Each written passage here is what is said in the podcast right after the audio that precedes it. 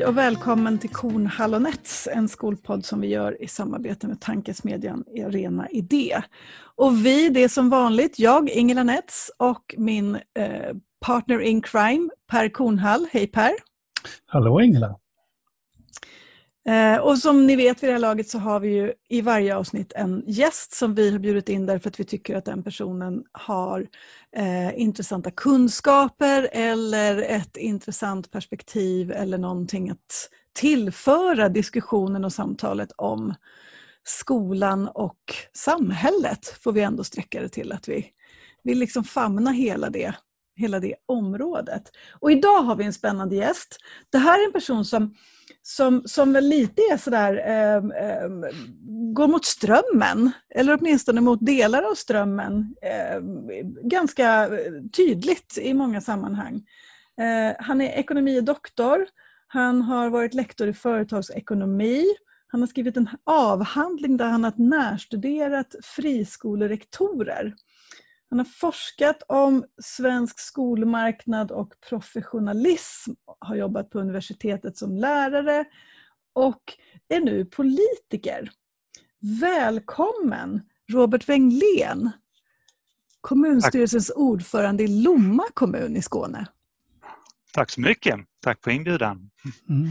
Kul att ha dig här. Mm. Ja, det är kul att vara här. är, du, är du en eh, politiker mot strömmen? Eh, ja, det kan jag nog. Jag, jag är nog en annorlunda politiker i varje fall. Jag tycker inte själv att jag är emot strömmen. Jag tycker nog mer att jag är med, eh, med min egen ström i varje fall. Och eh, när, jag, eh, när jag får sitta ner och prata med folk så upplever jag ofta att vi kommer överens. Ehm, eh, och det spelar ingen roll om det är, liksom, i, inte minst i den här frågan om skolan, liksom, att jag har ju jag hade ett jättebra samtal med, med Anna Ekström och jag har haft många jättebra samtal med moderater i, i den här frågan. Så när man, när man förstår vad jag försöker säga så är, är det nog inte så mycket emot strömmen. Nej, för vi ska väl förtydliga det att du är moderat mm, eh, mm. politiker mm. Eh, och har liksom gjort dig lite grann ett namn därför att du driver en linje som är kritisk mot mot friskolesystemet så som det ser ut nu och mm. marknadiseringen av skolan. Och det är ju inte riktigt vad man förväntar sig av en moderat politiker kanske, i det här läget. Nej, nej. jag, jag, mm. jag bara tänker att det är så spännande för jag har ju en, en, en, en ganska nära vän som, som är verkligen eh, alltså moderat through and through. Eh, som ju håller med dig till 100 procent utifrån sina sina väldigt konservativa eh, mm. alltså, värderingar. Eh, så. Och det är det jag tycker är lite spännande som en mm. ingång i det här samtalet. För det är mm. där du aviserade också att du tycker inte att det här är konstiga åsikter utifrån eh, din partitillhörighet. Men du avviker ju ganska kraftfullt från en del av, av partilinjen i vissa frågor. Ja, från den officiella. Men, men jag, jag, jag, menar, de som mest hörs i debatten är väl lite vänster då, och de är emot dagens skolsystem. Eh, och sen hörs ju givetvis friskoleföreträdarna.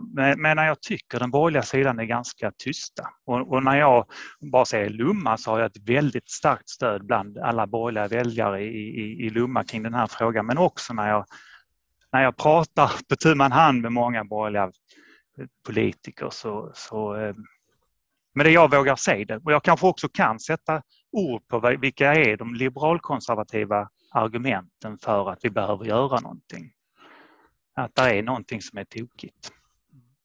Och, och, och vilka, vilka, är de här alltså argumenten? Jag vet mm. att du har, du har, det är inte så att du inte har tänkt på det här. Mm, mm, det är inte så att det här bara liksom är en idé du har, utan att du har tänkt ganska mycket på det här. Så att jag vet att du har Eh, eller jag tänker mig att du har ett antal olika, men vilka är de huvudsakliga argumenten från din sida?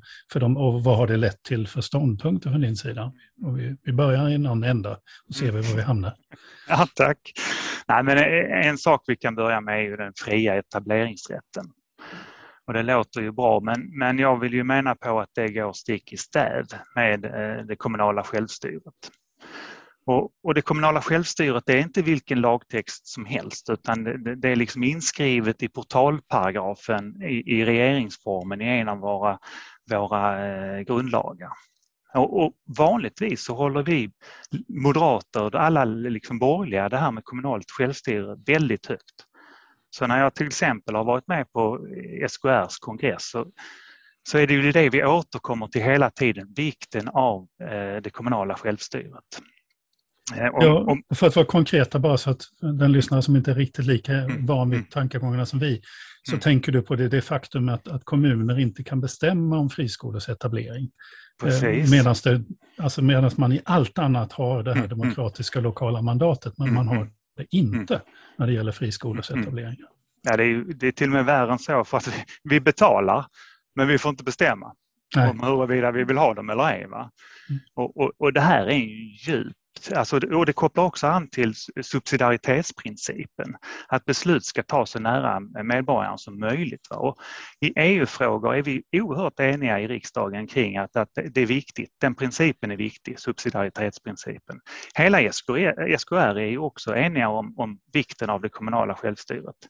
Och, och vi har, kunde läsa häromdagen att SKR går ut och säger att vi vill inte ha en statlig skola, för då kommer besluten för långt ifrån elever lärare och inte minst vårdnadshavare.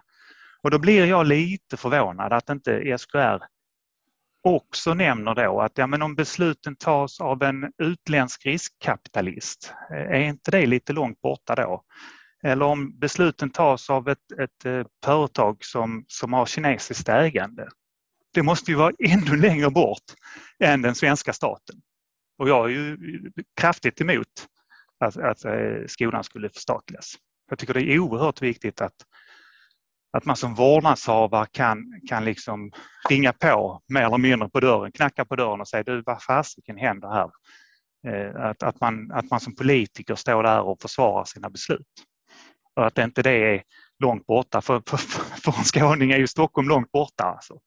Och, eh, så att, ja, jag, jag, tycker det är rätt allvarligt faktiskt och en djupt liberalkonservativ värdering att stå upp för det, för, för det kommunala självstyret.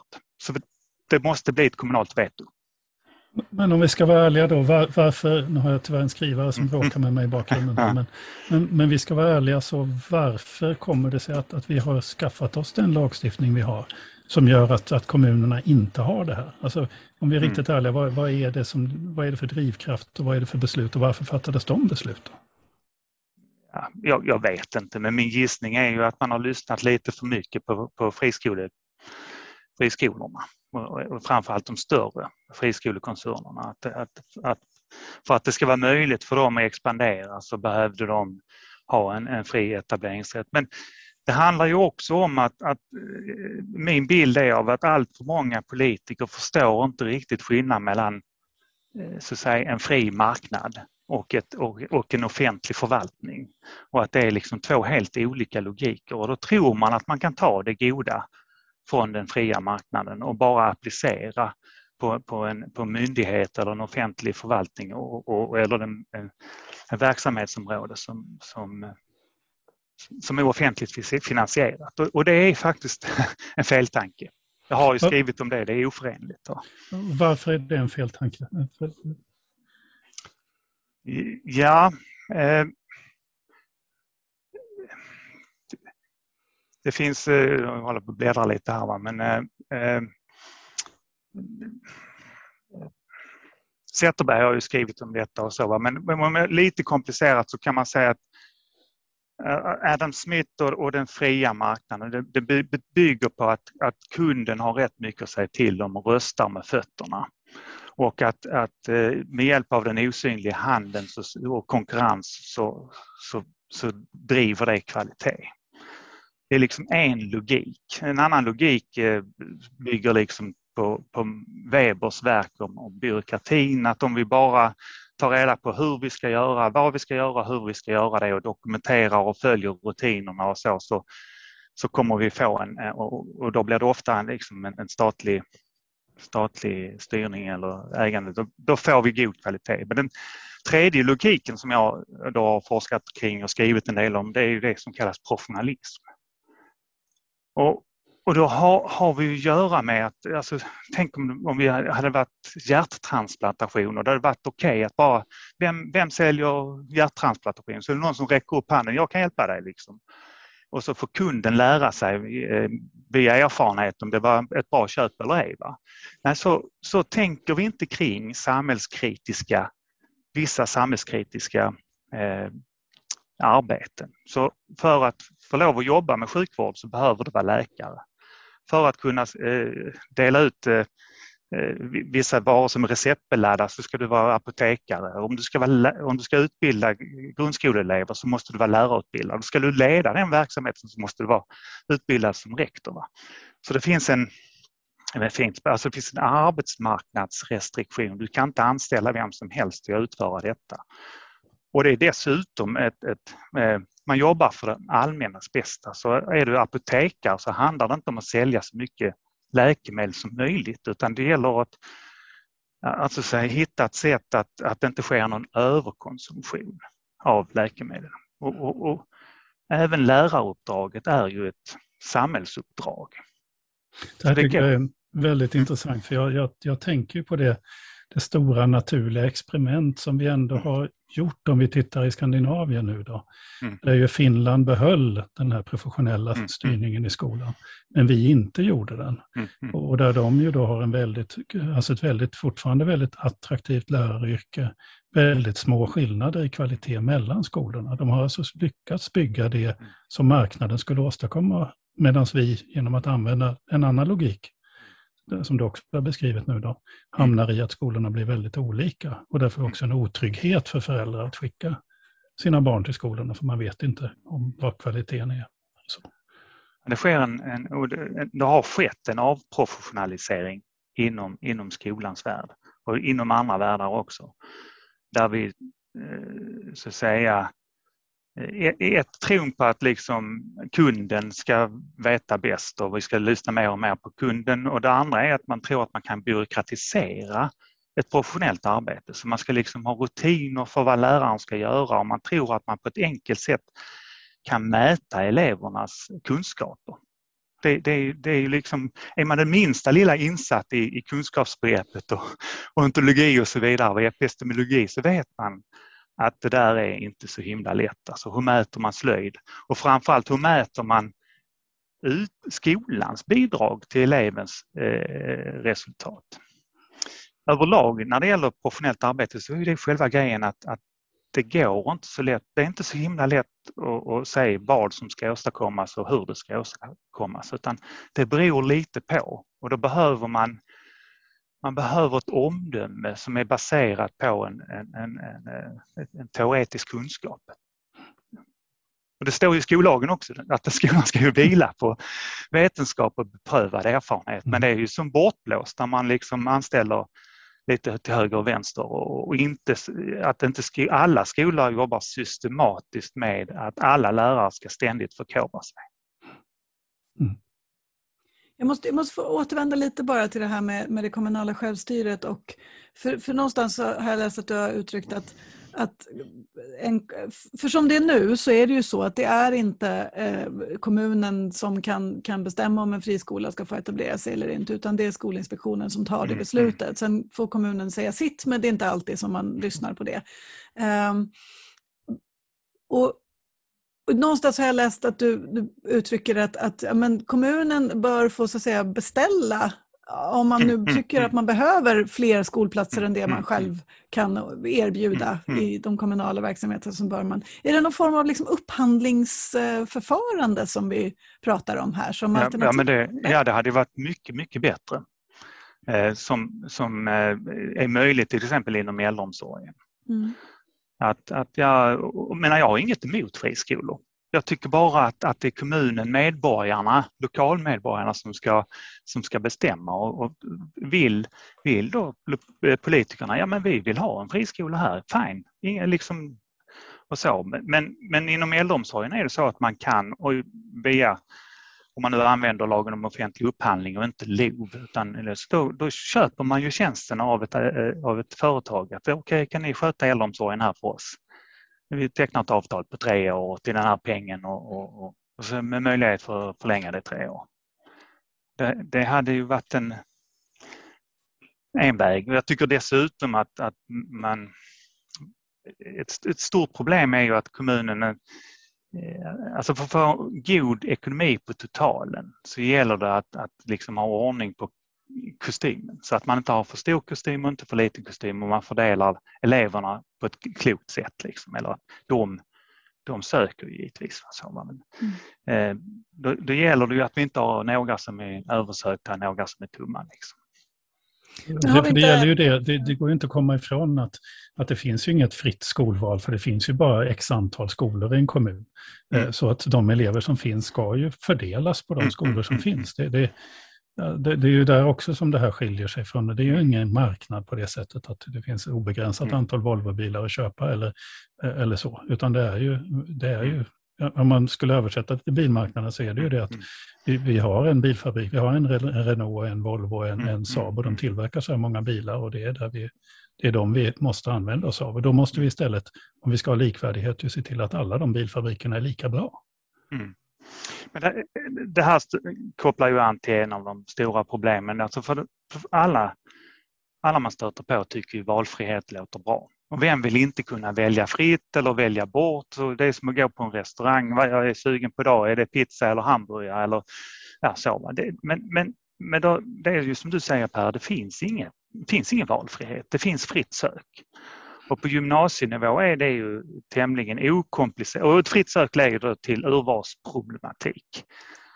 Och på gymnasiet är det inte något större problem eftersom då går man på betygen men det är ju grundskolan som är problemet. Att, ja, jag menar på att det är illiberalt att vi har två olika system. Och, och, och eh, eh ja, det, alltså två olika system för intagning? tänker jag. Ja, precis. Mm. Som skiljer sig mellan friskolor och mm. kommunala? Ja. Ja. Mm. Så vi, vi moderater brukar ju stå upp för det här med lika rättigheter och lika skyldigheter. Eh, lika möjligheter. Jag, jag, tycker kanske inte det, dagens skolsystem riktigt fångar det.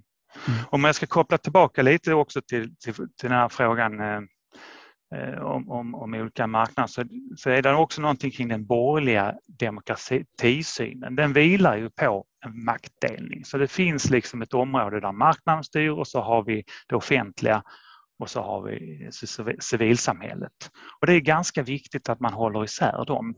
Skulle vara elak mot Socialdemokraterna så vill de ju liksom att staten ska breda ut sig allt mer Eh, på, på övrigas bekostnad. Men, medan jag menar på att vissa har fått för sig att marknaden ska breda ut sig då på områden där den inte hör hemma.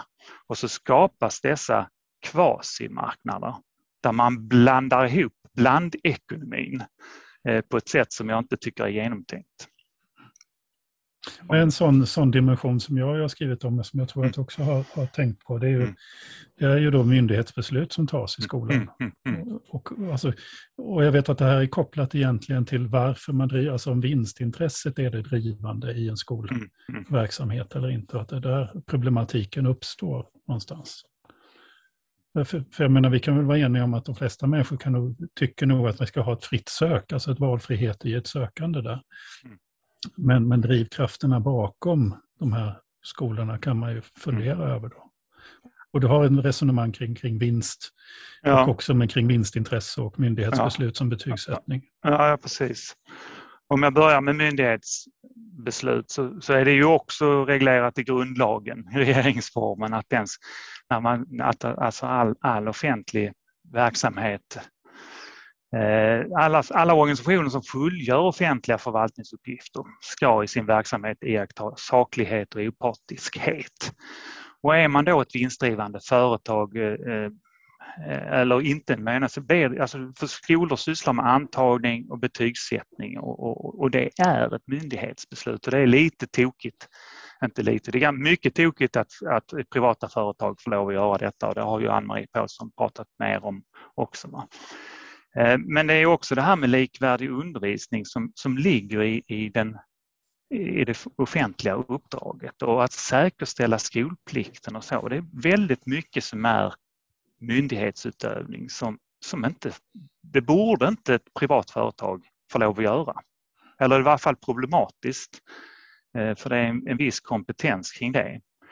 Om jag sen skulle säga någonting kring vinst och vinstintresse så Alltså jag, jag är ju för att friskolor ska få göra vinst. jag är emot ett vinstförbud. Eh, av den enkla anledningen att kommuner bör ju också göra en vinst. Alltså jag tycker en kommun ska ha ett överskott på 4% och staten bör också ha överskottsmål.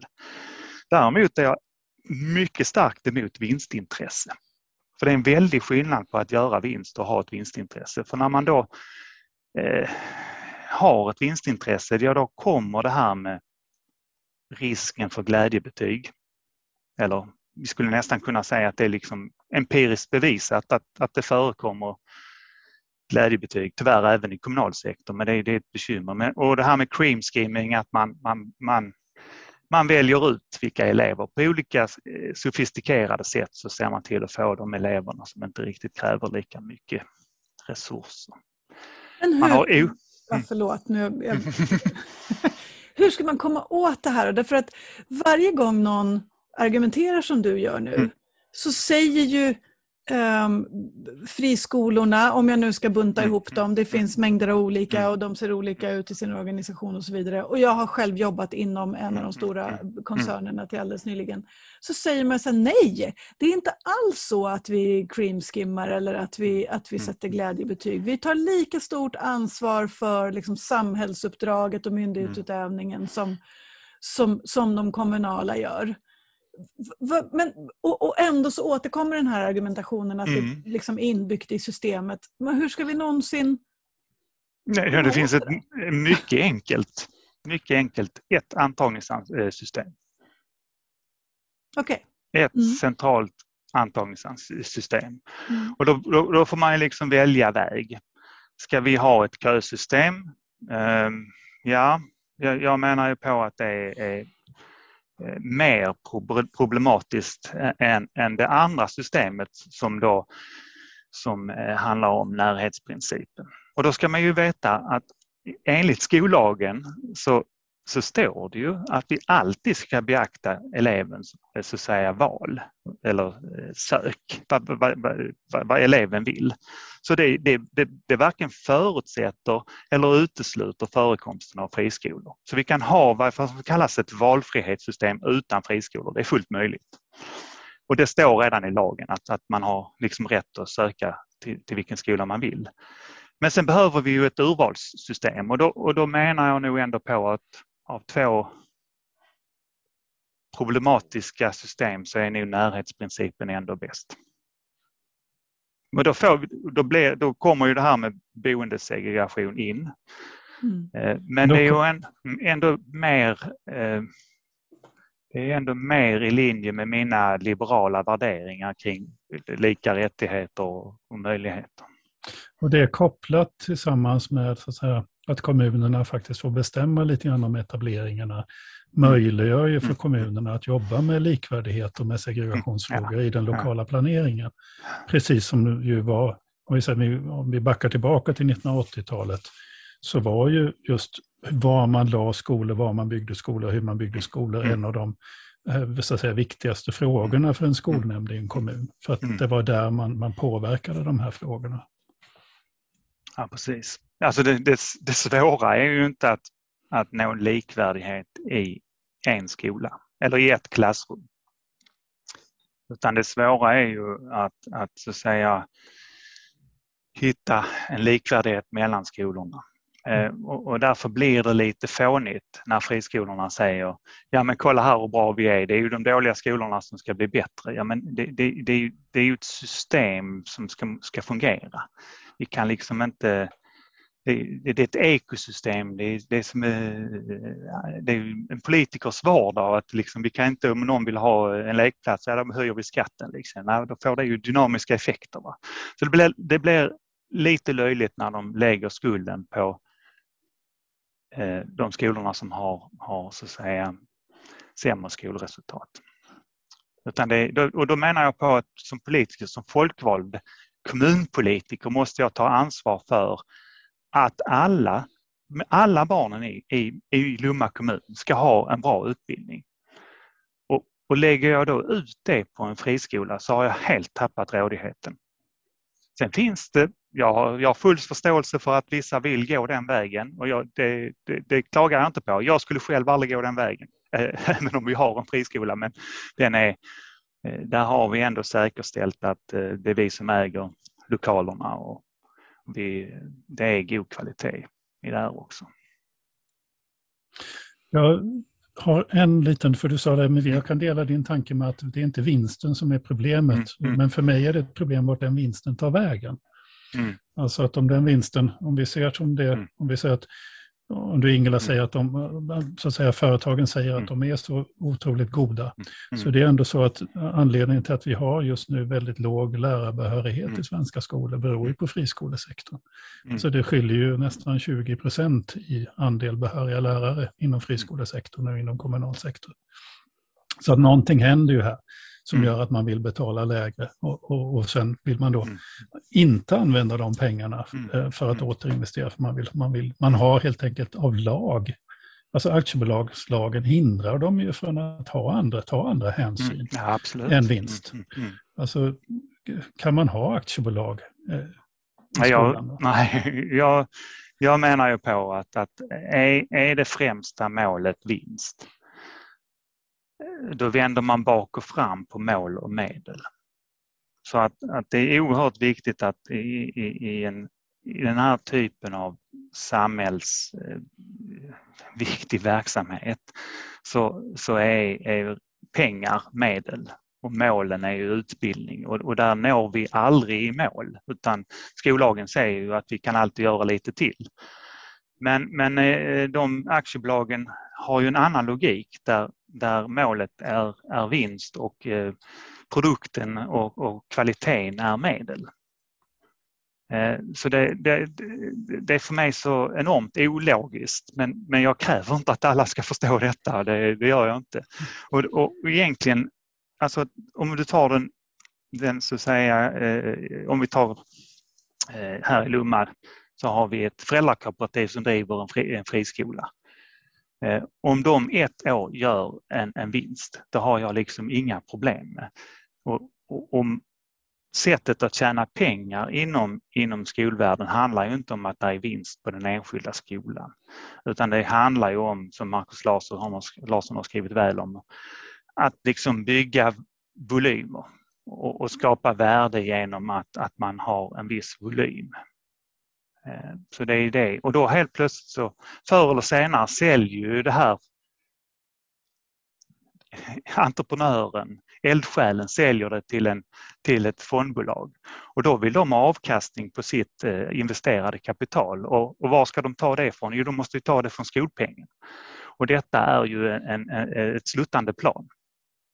Ju, ju, ju mer företagen blir värda, desto mer måste de ta av skolpengen för att täcka kapitalkostnaderna. Sen är det tyvärr så att det här är ju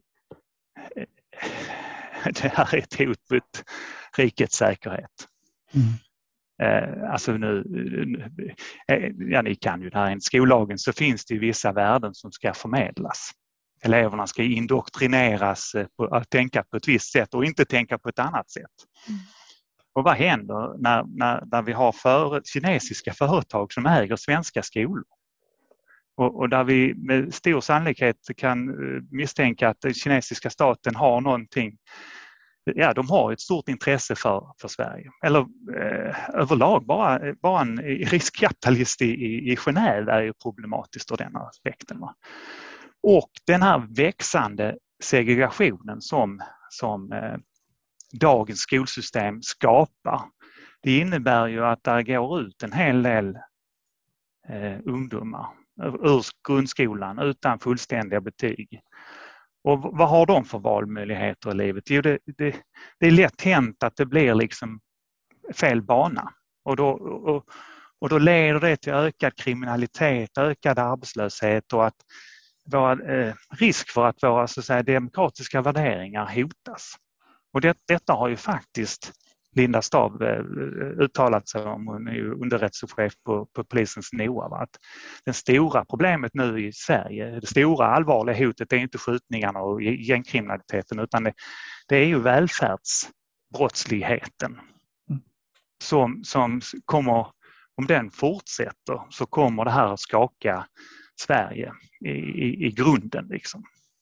Eh, så det, det, är lite allvarligt det här. Ja, alltså, och där är jag helt med dig. Jag skrev ju en bok om korruption i Sverige för några år sedan. Och när jag gjorde lite eh, researchen för det så, så måste jag säga att, och det, det är så att några av de här systemen rullar ju fortfarande på. Det läcker fortfarande miljarder varje mm. år mm. rätt ut till, till kriminella nätverk.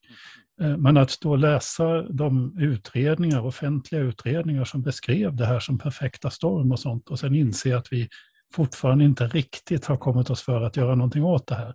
Mm. Men nu är vi inne på ett helt annat spår, men det är ju, eh, det är ju ja, för att tala ren svenska, jävligt skrämmande.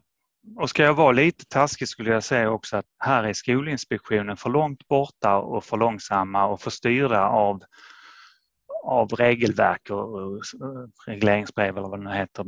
Det är därför det är så oerhört viktigt att kommunerna måste få eh, ansvar, fullt ansvar för detta och så att man snabbt kan stoppa betalningarna och stoppa e-, etableringen av, av ja, ta vad det här med ja, friskolor som man inte tycker gör ett seriöst arbete. Eller om man märker, som du var inne på, att ja, men de anställer ju relativt många obehöriga lärare. Ja, ja men tack, tack och adjö.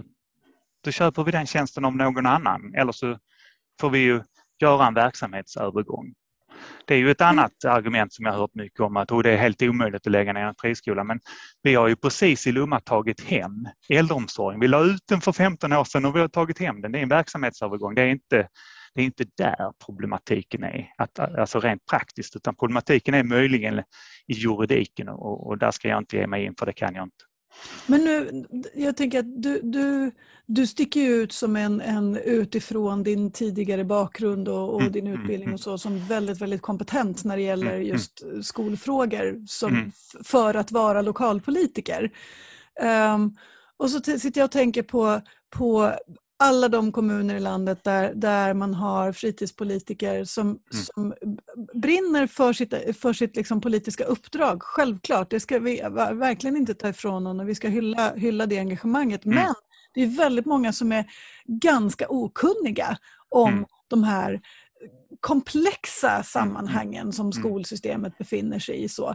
Är det verkligen en garanti för att, att det skulle liksom bli, bli säkrare och högre kvalitet och inga avarter om det skulle sitta eh, liksom, eh, fritidspolitiker i utbildningsnämnder och fatta beslut om vilken friskola man ska ge ett ut, uppdrag till. Vi har väl sett en ganska många upphandlingar mm, där, mm, mm, där man både sockrar och saltar sina, sina liksom erbjudanden och sen inte kan leverera. Nej, men du sätter ju fingret på, på, på, på någonting väldigt eh, allvarligt. Det. Alltså förutom, man kan ju inte kräva av en, en, en demokratisk, alltså av en folkvald att man ska vara disputerad eller ha någon mm. lång, erfarenhet. Det, det, det vore odemokratiskt i sig. Va? Mm. Men, men det är klart att det är ju en kompetensutmaning eh, eh, bland lokalpolitiker och, och även riksdagsledamöter måste jag ju säga. Eh, eh, Eh, eh, ja, nu tappade jag tråden.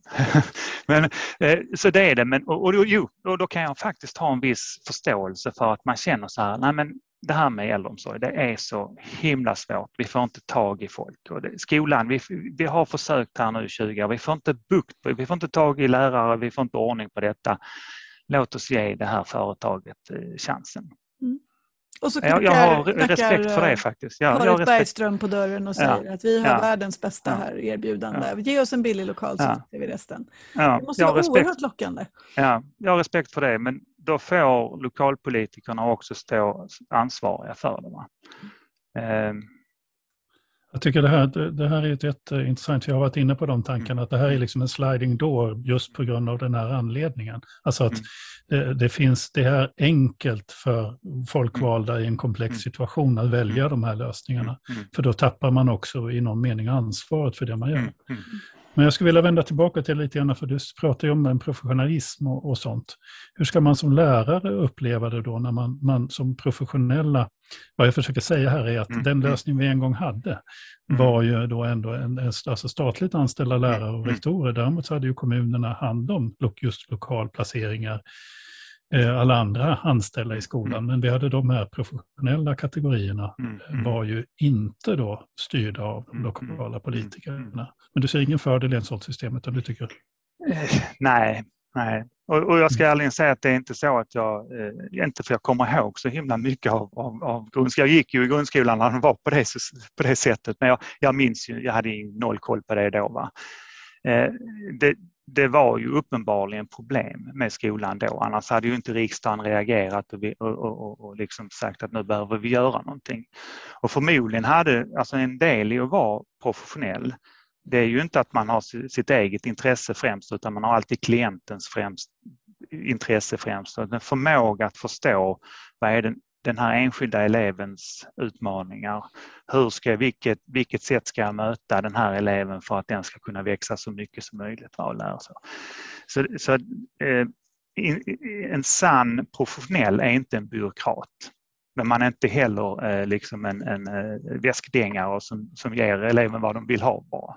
Utan det är, det är, det är en klientorienterad, veten, alltså man, teoretiskt underbyggt omdöme. Så, va? Eh, ja, vad, per, vad var frågan? Ja, men det var ju, om, det, om det var bättre med ett förstatligat, alltså att just de här professionella var, ja. var under annan ledning. Ja. Jag tänker då att då fanns det också en fortbildningsverksamhet som byggde ja. på att de ja. fick det. Tack, du fick tillbaka mig på spåret.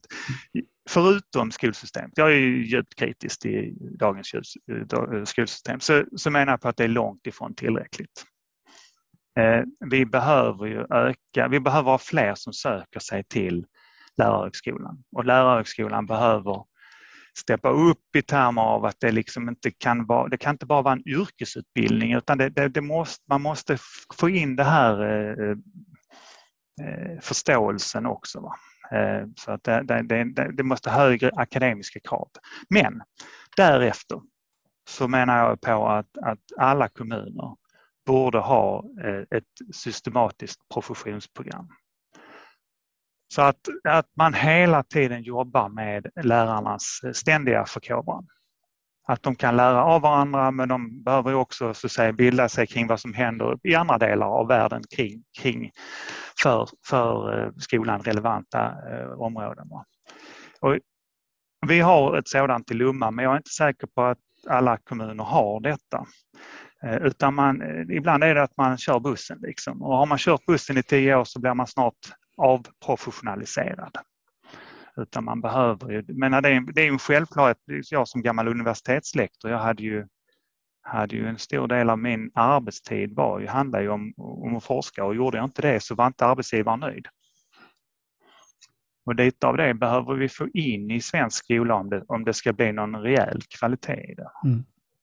Och det, ju, det här har vi ju många, det har vi ju nu Björn Åstrands utredning om professionsprogram och vi hade mm. OECD som jag tycker hade jättekloka idéer om det här eh, 2015. Så det finns ju väldigt mycket spår på det. Jag skulle vilja stanna kvar där hos lärarna för jag, jag tycker mm. det är jätteintressant. Du var inne lite grann på det i början av samtalet med eh, och jag har sett att du har skrivit att objektiv kvalitetsgranskning är en mm. illusion. Mm. Det här tror jag är någonting som både lärare, i svenska skolan skulle, om de förstod vad du menade här, ja. skulle se som ett evangelium och förstå hur viktigt det här är. Och också ja. alla mm. politiker i vårt land som tror att vi kan mäta fram mm. kvalitet. Ja. Mm. ja. det här är ju inte, det här är ju inte plastproduktion där vi kan liksom äh, mäta i efterhand äh, exakt hur, att, att äh, liksom plastbiten blev som det var tänkt. Liksom. Och att vi kan bestämma kvaliteten på förhand utan att det här det här är för det första då en samproduktion. Eh, alltså där, där elevens förkunskaper och elevens engagemang och, och, eh, är väl så viktigt som, som lärarens insats. Det får man kanske inte säga, men, men som gammal universitetslärare vet jag ju att, att det fanns studenter som inte lyssnade på en enda av mina föreläsningar och så gick de till tentan och så klarade de eh, det alldeles utmärkt. Därför att de, var, de kunde klara självstudier. De läste böckerna och tentade av dem. Eh, så någonstans måste vi liksom förstå att eleven spelar roll här. Eh, men om vi då kommer till så därför så är det, vad är det vi ska mäta kvaliteten på? Är det, är det så att säga skolans insats eller elevens kunskapsresultat? Det är, det är inte riktigt samma sak. Eh, sen är det ju en hiskelig skillnad mellan olika ämnen eh, matematik är väl en, en, så att säga, ganska enkelt att, att, att rätta. Antingen har man eh, skrivit rätt siffra på slutet eller så har man inte gjort det. Men det är ju lite bökigare med slöjd och, det är lite bökigare med bild och det är lite bökigare med idrott och hälsa och det är därför friskolorna ofta har väldigt goda kunskapsresultat i de ämnena. Ehm, Eh, överlag, är, så fort vi börjar närma oss samhällsvetenskapen så, så är det inte en kunskap som går att mäta. Man kan göra professionella kvalitativa bedömningar av resultatet, men det går inte att mäta. Och detta gäller ju generellt i, i, i kommunsverige. Det, det var ju eh, evigt tjat om, om att vi skulle liksom sätta mätbara mål och, och, och, och sen mäta att vi har nått det. Men alltså, var gång du försöker mäta eh, något som inte låter sig mätas blir det bara tokigt. Det finns ju massa uttryck för det här, Campbells law, Mm, mm. Som ju innebär att, att, du, att, att försöker du mäta igen de här komplexa kvalitetskriterierna så, så kommer du sänka kvaliteten för du kommer att få, få korruption i systemet. Mm. Eh, alltså man hamnar i gamla sovjetiska femårsplaner där, som ju alltid uppnåddes, mm. men, men, men folket fick aldrig mat. Va? Mm. Men låt mig vara tydlig med att vi fortsatt måste bedöma. Ja, ja det förstår jag. Alltså, så när man, en, en, en, lärare ska ju sätta betyg och ska göra en professionell bedömning baserat på ett antal kriterier där ett an, några kriterier kan ju vara kvantitativa medan andra är mer kvalitativa. Och på samma sätt om du ska bedöma kvaliteten på, på, på en skola eller en skolkommun så eh, det går inte att sätta upp en ekvation för det och mäta. Det, det är faktiskt rätt okunnigt att bara lansera det. Och jag förstår varför just de personerna som lanserar det gör det. Därför att de vill ju visa på, kolla vad bra elevresultat vi har och så kallar de det skolresultat. Och det är inte samma sak. Mm. Men om det här är så svårt, eh, för det tror jag vi, vi jag, jag tillhör den där lilla hallelujakören mm. just nu känner jag så, mm. när, du beskriver vad så, att det faktiskt inte går att mäta. Men hur ska man då kunna bedöma kvaliteten om man nu ska beställa och köpa utbildning i en kommun eller av sina egna grundskolor för att vara säker på att man faktiskt gör det man ska göra. Vad är det, hur, är, hur ska vi veta det? Eller hur ska ni som är politiker veta? Ja, alltså just i Lummas fall så är det ju så här att jag, jag vill ju helst ha rådighet över detta. Jag, jag, jag har ingen lust att köpa undervisning. Jag har inte lust att köpa någon äldreomsorg. Det, det är så allvarliga problem inom denna, dessa områden i Sverige så här vill jag här vill jag ha full rådighet för det är ändå jag som blir utslängd om det inte fungerar. Va? Så här vill jag ha rådighet. Men om man nu mot alla, om man trots allt vill köpa de här tjänsterna. Ja, det, det, är väl många gånger vi köper saker och ting där, där vi inte kan mäta kvaliteten på förhand utan vi får ju, vi får ju följa löpande, så att säga följa verksamheten och göra eh, kvalitets, eh, eh, liksom dyka ner och, och ja, göra skaffa oss en uppfattning. Och inte minst i det här sammanhanget blir det ju viktigt att lyssna till elever och vårdnadshavare och så för att kontrollera om, om det är bra kvalitet. Mm. Och är det inte bra kvalitet så är det ju, jag återkommer, då måste kommunen kunna slänga ut dem. Mm. Och då tänker jag på, bara far i mitt huvud, alla rättstvister som pågår runt om i vårt land mm. kring där, där bara friskoleföretag eh, protesterar över skolpengar och, och alla dessa juridiska tvister. Jag, jag tänker på Uppsala kommun som fick betala, jag kommer inte ihåg hur många miljoner, men det handlar om nästan 10 eller någonstans drygt 10 miljoner eller någonstans där. Jag kommer inte ihåg, i det häradet i alla fall. Mm. För att ett friskoleföretag hade bytt namn på en kurs eh, i, i gymnasiet. Eh, det vill säga att man, hade, man, man fortsatte med precis samma, man bytte namn till någonting där skolpengen var mycket högre för där, mm. där staten hade en förväntan på att man inköpte maskiner och sånt som de här barn, mm. ungdomarna mm. skulle tränas på. Men det struntade det här företaget i, men man bytte namn, men man fick ju rätt mm. i rättegången, vilket innebär mm. då att, mm. att den kommunala gymnasieskolan fick ett besparingsbeting på samma antal miljoner kronor. Alltså den här typen av bisarra effekter eh, som uppstår i, det här systemet. Ja, det återkommer jag till. Det hade varit så mycket bättre om vi hade fört, haft det systemet som vi har inom äldreomsorgen. Mm. Har, har tillit någonting med det här att göra? Ja, alltså eh, det var väldigt, väldigt luddigt försök ja, att, att komma till att du faktiskt har varit en del av tillitsdelegationen. Ja, jag är så väldigt nyfiken på det. Därför att jag har en liten crush på tillitsbegreppet. och hela den, liksom. Jo, men jag var ju med där i början. Jag vet inte, jag kanske sa någonting olämpligt så att jag inte var med så jättelänge. Men, men eh, eh Eh, jag känner Louise väl eh, och, och, och, tycker det är ett bra arbete. Eh, jo, men det är klart att, att, att leda någon som är professionell, det, det, det, oftast innebär det att, att, att din underordnade vet mer än vad du själv vet som chef. Och det är inte bara inom, inom välfärden. Alltså den engelska läraren vet mer om hur man undervisar i engelska än vad rektor vet många gånger. Eller slöjdläraren vet mer om hur man undervisar i slöjden än rektor. Och på samma sätt så är det ju inom eh, mjukvaruutveckling att det är många gånger som som chefen kommer in, nej men när är du klar? Ja det här är problemlösning, jag är klar när jag är klar. Liksom. Och så står chefen där och, och, kan inte göra någonting därför att medarbetaren är så mycket bättre på just det här problemlösningen. Så, så för att leda en sån här verksamhet så behöver det bygga på en, en, en, en, en rätt hög grad av tillit. Men det får inte vara eh, fri hopp och lek heller utan man, man får ju, det gäller ju att, eh, för det var lite, det, det är det som är problemet med offentlig sektor rätt ofta att, att verksamheten kommer för långt ifrån de folkvalda. Och att det är ingen som riktigt står ansvarig eh, gentemot medborgaren. Så det, det, det och, och, och, även lärare måste, eller rektorerna måste förstå att, att eh, när vi i kommunstyrelsen eller i fullmäktige har beslutat att så här har vi fördelat våra gemensamma pengar, ja då är det det som gäller. Och, och det går att nå, nå, liksom följa skollagen även med den budgeten som fullmäktige i Lumma har fattat beslut om. Så att eh, det, det, tillitsstyrning betyder ju att man ska lita på de man ska inte lägga sig i det man inte begriper. Det, det ska, det ska lära, liksom läraren själv få ha utrymme för, eller rektor själv. Men, men samtidigt är det ju inom en viss hage.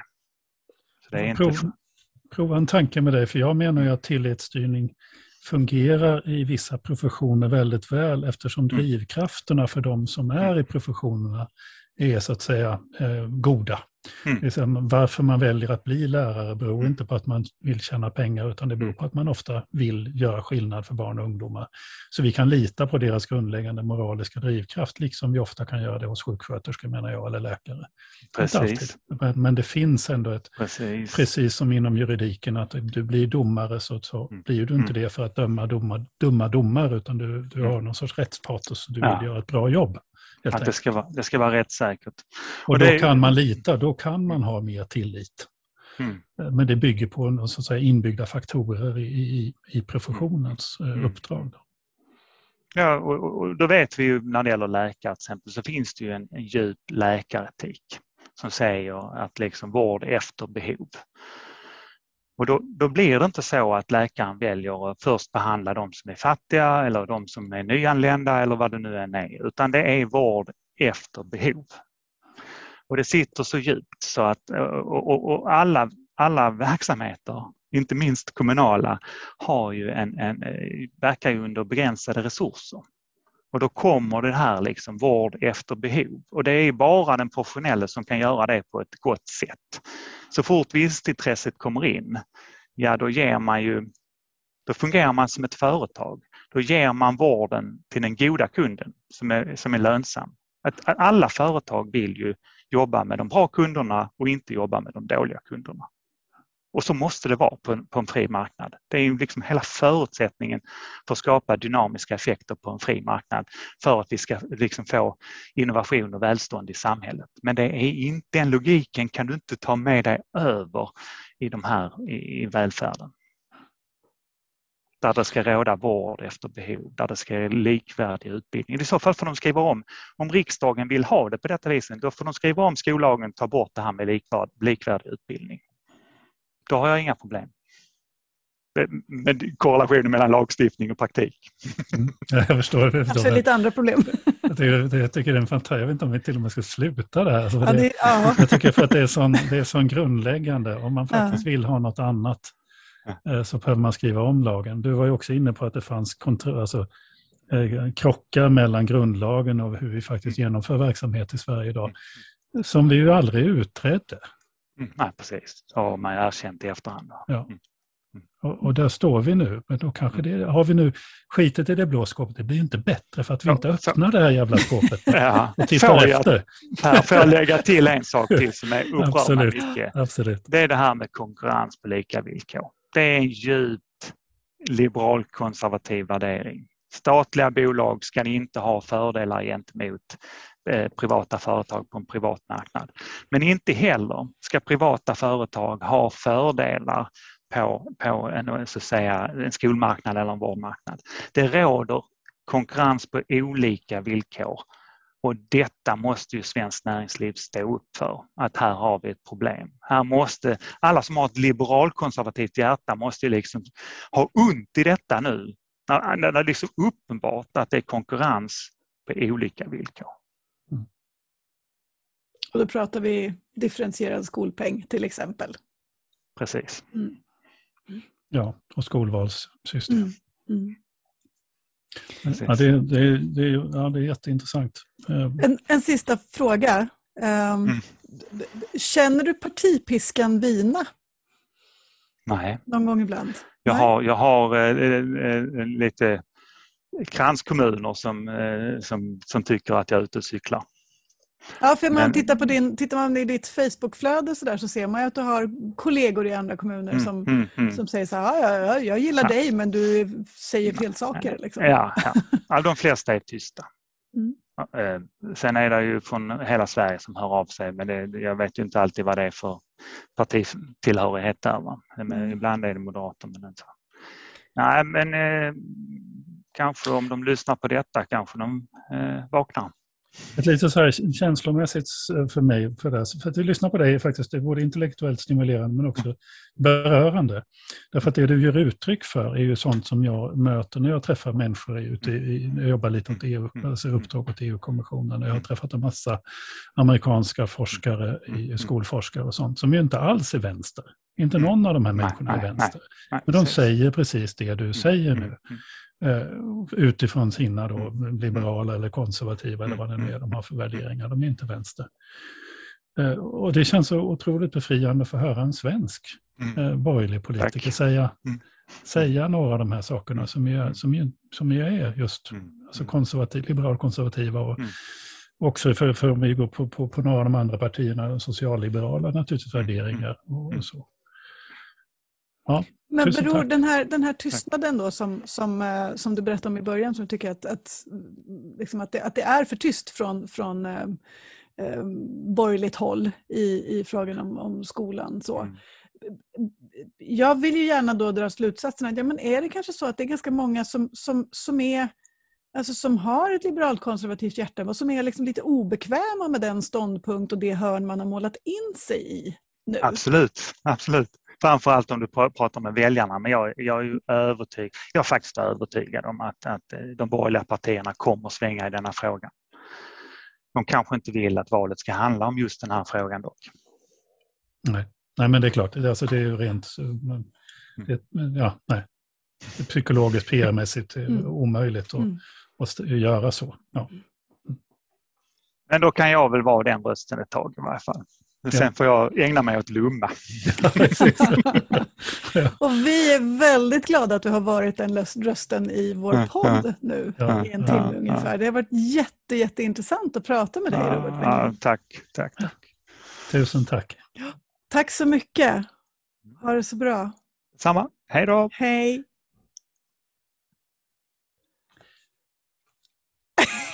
vi är alldeles tysta båda två och tittar. Ja, så här kan det också vara. Wow. Ja. Nej, men det är som jag sa till dem, det för mig, det alltså berör mig. Det ja, berör mig djupt. Det. Ja. Alltså att, att, att någon människa som... För, för det, jag får inte ihop det, hur, hur så att säga en hel alla de här partierna på, på den borgerliga sidan, ingen av dem har, man hör inte de här rösterna i den nationella debatten. Nej, nej. Som är djupt, som, som han beskriver, det är djupt borgerliga värderingar som ligger till grund för det här. Mm.